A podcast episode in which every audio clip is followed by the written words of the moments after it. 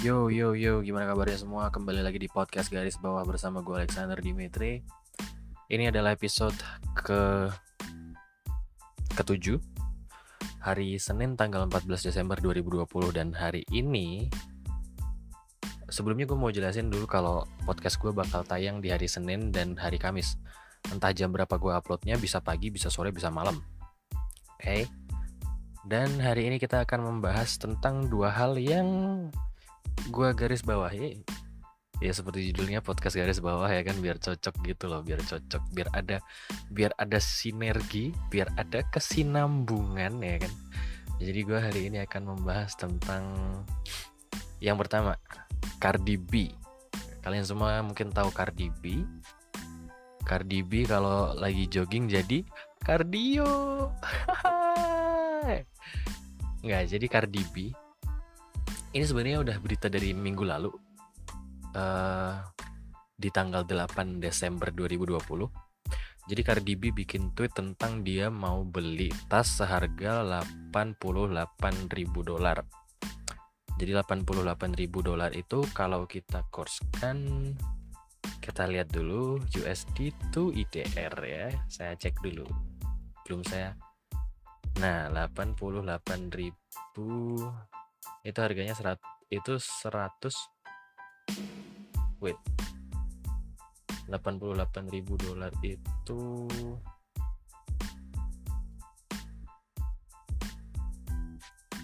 satu koma dua miliar. Oke. Satu koma lebih tepatnya satu dua empat satu koma dua empat lima miliar. Ya Nah, masyarakat Twitter seperti biasa mereka bakal heboh, oke? Okay? Di Twitter pada heboh bilang kalau di saat pandemi kayak gini, di saat semua orang lagi susah semuanya, lo malah beli tas harga seharga itu gitu. Kenapa lo malah beli tas seharga itu? Bukannya lo malah bantu orang dan segala macam. Bukannya lebih baik untuk dipakai ya begitu begitulah ya kan pokoknya acting seakan-akan seakan-akan mereka environmentalist or some shit like that gue nggak ngerti. Environmentalist kayaknya bukan istilah itu deh yang benar tapi ya fuck that shit. Intinya adalah mereka mengkritik Cardi B kenapa menggunakan uang itu, uang sebanyak itu untuk beli tas. Dan ada juga yang bilang bahkan tasnya itu nggak terlalu bagus. Tapi kalau gue lihat di sini di sini tasnya ya kayaknya tas-tas branded gitu. Gue nggak tahu mungkin Hermes or tapi nggak ada logo Hermes-nya dan segala macamnya itu. Gini orang-orang yang bilang bahwa 88 ribu dolar itu adalah angka yang nggak masuk akal untuk dibelikan sebuah tas berarti mereka adalah orang-orang yang tidak mampu untuk mengeluarkan 88 ribu dolar untuk membeli sebuah tas. Oke? okay? Untuk Cardi untuk kar, seorang Cardi B 88 ribu dolar itu bisa dibilang kecil oke okay? she's the fucking Cardi B dude oke okay? mungkin 88 ribu dolarnya dia itu ya 1,2 miliarnya itu setara dengan 2 jutanya elu atau setara dengan 200 ribunya elu oke okay? Buat lo mungkin 88 ribu dolar itu angka yang fantastis. Lo bahkan mungkin belum pernah megang duit 88 ribu dolar. 1,2 miliar lo mungkin belum pernah megang. Tapi buat Cardi B dia bisa ngeluarin duit itu setiap hari men. Oke? Okay. dan income-nya dia juga per tahun gue rasa bakal wah udah nggak kebayang maksudnya dia bikin lagu juga jalan dia pasti dari label juga masih dapat. Dia dari pasti ada bisnis bisnisnya juga yang lain segala macam Cardi B itu rapper perempuan yang bisa dibilang top tier sekarang gitu. Ditambah lagi dia dia dari dari apa yang gue lihat dari Cardi B dia kemungkinan punya relasi-relasi dan lain sebagainya. Ya maksudnya Cardi B ini melakukan sesuatu yang sesuai dengan net worth-nya dia. Maksudnya ya dia punya uang dia mau pakai duitnya dia so what's wrong with that dan 88.000 itu bukan tas termahalnya Cardi B by the way Cardi B itu punya Cardi B itu punya tas Hermes yang harganya dua kali lipat daripada 88.000 dolar oke okay. Berapa banyak gue bilang oke okay hari ini. Nah jadi kenapa lu protes? Maksudnya aneh aneh aja gitu ketika ketika ada orang miskin bilang bahwa pengeluaran orang kaya itu nggak worth it. Ya mungkin nggak worth it buat lu. Mungkin 88 ribu dolar 1,2 m mending gue beli rumah. Gue juga mikir demikian. Tapi maksudnya adalah itu karena gue nggak ada di tempat di mana gue bisa ngeluarin 1,2 miliar buat beli tas. Kalau suatu saat gue punya duit banyak banget ya net worth gue udah sama kayak Cardi B mungkin aja gue bakal ngeluarin duit 1,2 M buat beli tas teman-teman. Nggak usah jauh-jauh ke Cardi B gue dulu uh, pernah suka banget sama sepatu basket. Dan gue punya sepatu basket yang harganya jutaan. Gue dikatain sama teman gue ngapain sih lo beli sepatu basket jutaan? Bukannya duitnya bisa dipakai buat yang lain. Lah orang gue mampu gue pengen kenapa? Ya kan? Maksudnya adalah um, gimana ya pemahaman orang tentang uang pemahaman orang tentang bagaimana cara mereka menggunakan uang itu beda-beda. Ada orang yang kaya tapi dia hidupnya tetap hemat. Ada orang yang kaya tapi pengeluarannya juga sebanding dengan uh, penghasilannya dia gitu. Bahkan ada juga orang miskin yang pengeluarannya nggak tahu diri gitu. Sampai ngutang-ngutang ya kan? Jadi gitu kalau ada yang bilang mending diamalin mending jadi sedekah atau segala macam. Ya fuck that itu urusan orang. Itu pilihan mereka mereka yang punya duit gitu. Lu belum tentu juga jadi Cardi B kepikiran buat sedekah. Belum tentu. Ya kan? Jadi just biarin orang pakai duitnya lah. Itu duit-duit mereka entah itu halal entah itu haram ya kan terserah itu duit-duit mereka. Ngapain lu komenin pengeluarannya? Lu aja masih ngutang ngurusin Cardi B ngeluarin duit 1,2 M buat beli tas anjing. Kan aneh banget. Makanya itu gue selalu bilang kalau uh, orang ketika kita belum ada di kemampuan ekonomi yang sama dengan mereka kita akan selalu bilang kalau pengeluaran mereka itu nggak masuk akal. Menurut gue sendiri pun beli tas harga 1,2 m itu nggak masuk akal. Tapi kalau kita melihat siapa yang beli ya itu jadi masuk akal. Ya kan? Maksud gue gue kalau lihat Bill Gates beli food harga 700 miliar ya nggak heran Bill Gates. Dia Bill Gates. Walaupun juga Bill Gates nggak pernah beli makanan anjing seharga 700 miliar ya tapi ya. Tetap masuk akal aja kalau Bill Gates beli itu ya nggak apa-apa gitu. He's fucking Bill Gates. Atau Jeff Bezos beli gantungan kunci harga 700 juta gitu kan. Gue nggak heran. Ya gue mungkin heran tapi ya udahlah dia Jeff Bezos gitu Jack Ma beli harimau. Harga 70 miliar. Ya ya udah Jack Ma gitu. Ini Cardi B beli tas harga 1,2 m. Ya udah itu Cardi B gitu. She's Cardi B dude. Kita lihat Hotman Paris pakai baju harga ratusan juta ya kan? Cincin miliaran. Kita nggak pernah protes kita nggak pernah apa cuman ya cuman ya itu just Hotman Paris spending his money. Dan dia juga ngelakuin itu tanpa bikin keluarganya jadi miskin. Mereka ngelakuin itu tanpa ngutang. Mereka ngelakuin itu karena mereka mampu bukan karena mereka berusaha untuk kelihatan mampu.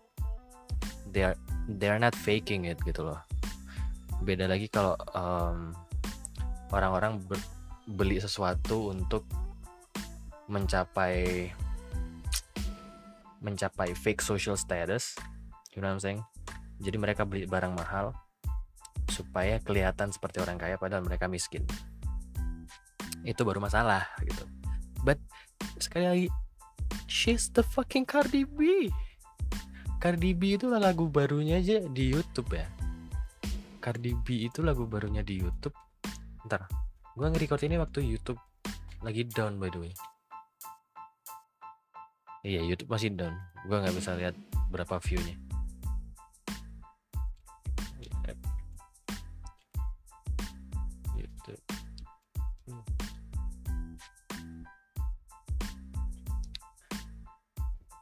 Lagu barunya Cardi B yang di itu loh yang sering di apa sering di TikTok web web tuh kepanjangannya WF sih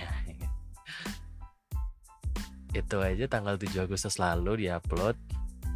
Dan sekarang udah 183 juta views. Itu baru lagu barunya doang ya kan?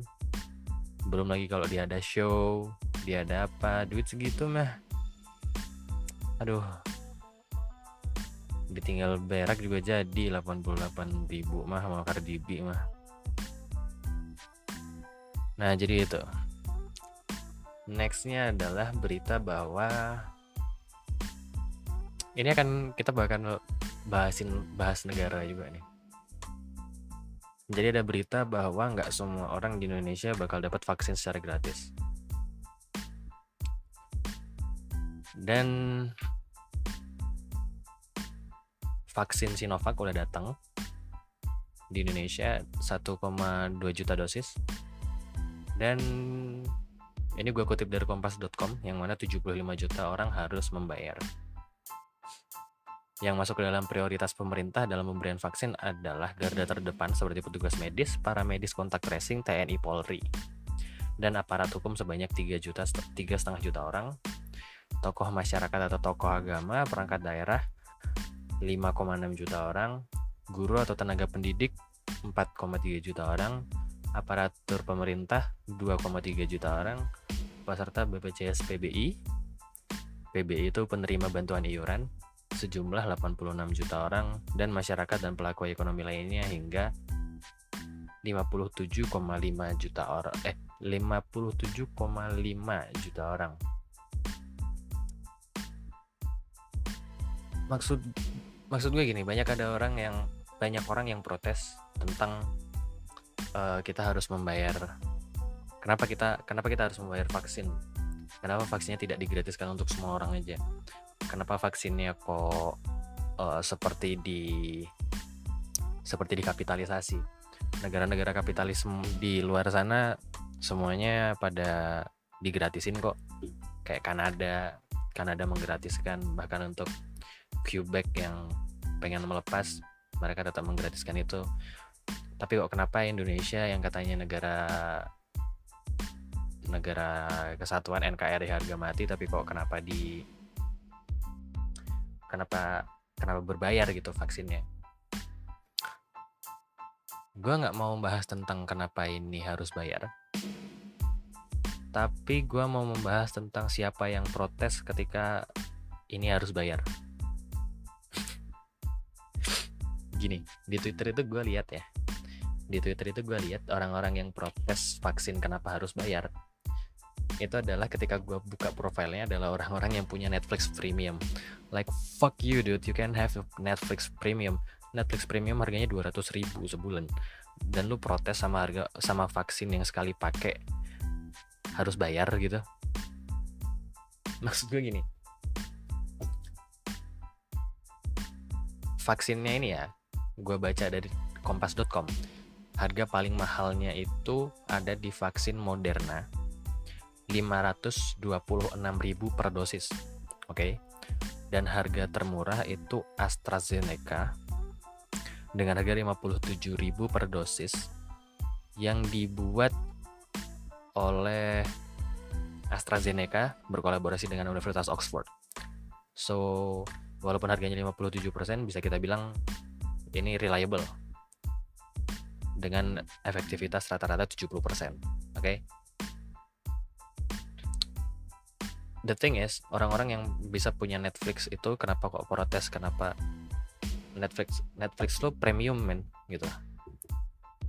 Netflix lu premium dan lu protes uh, ada vaksin harga 400 ribu vaksin harga 500 ribu yang sekali pakai terus udah lu marah-marah gitu lu nyalain negara maksud gue ya ya ya itu pengeluaran lu buat Netflix itu duit-duit lu ya. Tapi ketika ada sesuatu yang ketika ada sesuatu seperti ini negara minta lu untuk bayar kenapa lu protes gitu? Gue nggak mempermasalahkan mereka-mereka yang memang miskin dan mereka-mereka yang butuh mereka-mereka yang kalangan kalangan-kalangan yang beranggapan bahwa duit 526 ribu itu ada duit yang sangat besar. Mereka protes gitu nggak masalah buat gue tapi masalahnya adalah kenapa kok orang orang-orang kaya ini yang protes gitu. Orang-orang kaya yang protes lo orang-orang yang protes di Twitter itu kebanyakan mereka yang punya Netflix premium, terus uh, Spotify-nya juga pasti premium, handphonenya juga iPhone dan segala macamnya ya walaupun iPhone 6 juga udah murah sekarang ya kan. Pokoknya gitulah. Pokoknya mereka punya gaya hidup yang mereka punya biaya gaya hidup yang tinggi, tapi kenapa ketika negara negara minta mereka untuk bayar mereka protes gitu.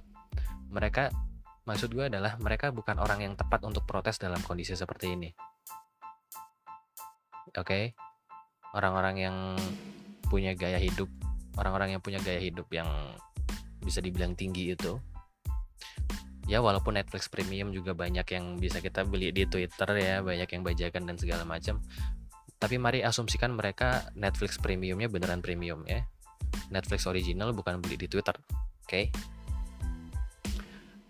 kalau mereka-mereka ini protes, mereka bukan orang yang tepat untuk protes. Karena gaya hidup mereka per bulan itu biaya gaya hidup mereka per bulan itu kelihatannya bakal lebih tinggi kalau dibandingin sama harga vaksin yang paling mahal sekalipun.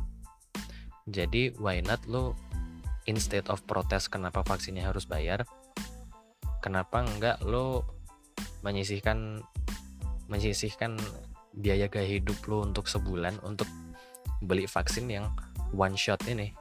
Cuma sekali pakai kan? Sekali pakai lo bayar 500 ribu udah Netflix 200 ribu sebulan bulan depan perbarui lagi kan gitu um, gue nggak bilang kalau orang kaya nggak boleh bersuara untuk mereka yang miskin tapi tapi konteksnya adalah ketika orang-orang miskin ini dalam tanda kutip diam, kenapa lo yang ribet? Gitu. Dan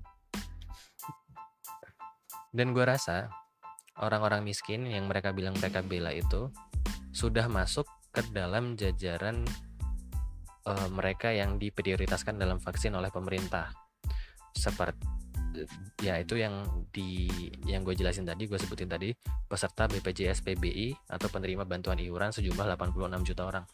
Nah kita bisa berasumsi 86 juta orang itu adalah orang-orang yang tidak mampu membayar vaksin berapapun harganya, oke? Okay? Mari kita berasumsi, mari kita berasumsi 86 juta orang ini adalah orang-orang yang bakal dibantu pemerintah. Entah itu bakal digratiskan pada akhirnya entah itu nanti akan diberikan subsidi kepada pemerintah atau di, diizinkan untuk nyicil dan lain sebagainya kita nggak tahu. Tapi intinya adalah um, kalau orang-orang kaya ini bilang bahwa mereka bersuara untuk mereka yang miskin ya ya gue rasa lo bersuara pun maksudnya gini lu bersuara sama marah-marah itu beda oke okay? lu marah lu marah-marah itu kelihatan kayak dari dari apa yang gue dari apa yang gue lihat di twitter ya mereka marah-marah itu untuk nurutin egonya sendiri untuk marah-marah aja ke pemerintah dan segala macam. Oke gue akui pemerintah kita fakta pemerintah kita pemerintahan kita hancur banget.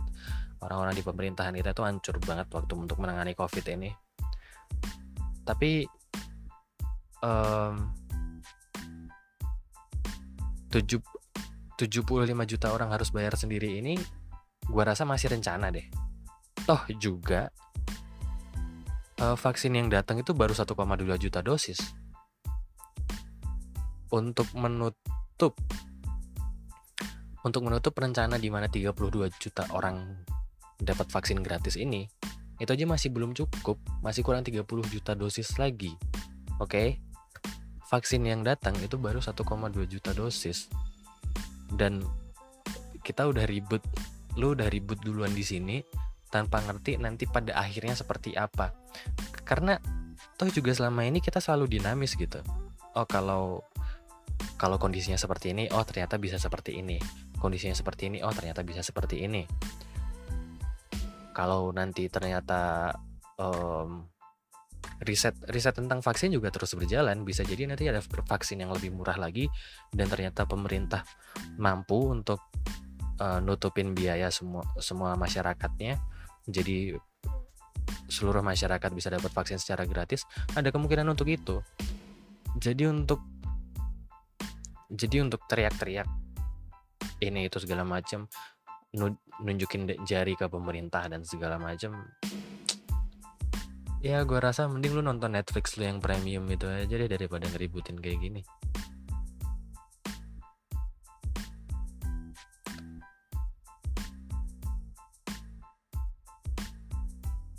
soalnya lu bukan orang yang tepat untuk protes. Kalau lu adalah orang yang tepat untuk protes gue rasa ya it, it, it makes sense gitu. Banyak juga di twitter yang gue baca. Siap bos hati-hati di jalan. Banyak juga gue baca di twitter yang mereka berargumen oh mereka berargumen tentang mereka nggak mereka dari keluarga nggak mampu dan lain sebagainya dan dia ke keberatan kalau uh, vaksin covid harus berbayar. Tapi kan kita nggak tahu. Dia juga nggak tahu kalau apakah dia termasuk ke dalam orang yang akan dapat bantuan dari pemerintah terkait vaksin? Kita juga nggak tahu. Karena angka-angka ini jeleknya pemerintah kita adalah angka-angka ini nggak dipastikan dulu siapa-siapa aja. Siapa aja yang bakal dapat gratis siapa aja yang bakal bayar itu nggak dipastikan. Jadi transparansi ini nggak ada transparansi ini yang bikin semuanya jadi chaos jadi jelek gitu di di kondisi covid seperti ini di kondisi pandemi seperti ini jadi kelihatan kalau um, pemerintah kita itu koordinasinya kurang um, terus transparansinya juga kurang dan lain sebagainya. Gue ngerti kok. Jadi gue ngerti kenapa ada orang-orang yang gue sebutin tadi orang-orang yang nggak pantas buat protes jadi protes itu juga salah satunya seperti itu. Mungkin untuk mungkin kalau orang-orang itu uh, diberi transparansi semuanya transparan jadi orang-orang itu ngerti oh siapa-siapa aja yang bakal dapat vaksin gratis. Oh ternyata oh ternyata kalangan orang yang gue pedulikan ternyata dapat vaksin gratis. Oke gue nggak akan komentar. Mungkin itu akan terjadi kalau transparansinya ada. Mungkin nggak akan ada chaos kalau ada kalau ada transparansi yang baik. Oke udah berapa menit sih nih udah 24 menit mungkin bakal di situ aja terima kasih udah mendengarkan terima kasih udah ngeklik dan sangat terima kasih lagi kalau udah dengerin sampai habis. Episode selanjutnya bakal ada di hari Kamis besok. Jadi gue akan podcast gue akan tayang setiap hari Senin sampai Kamis. Jangan lupa di follow di Spotify. Oke, okay? see you and have a good day.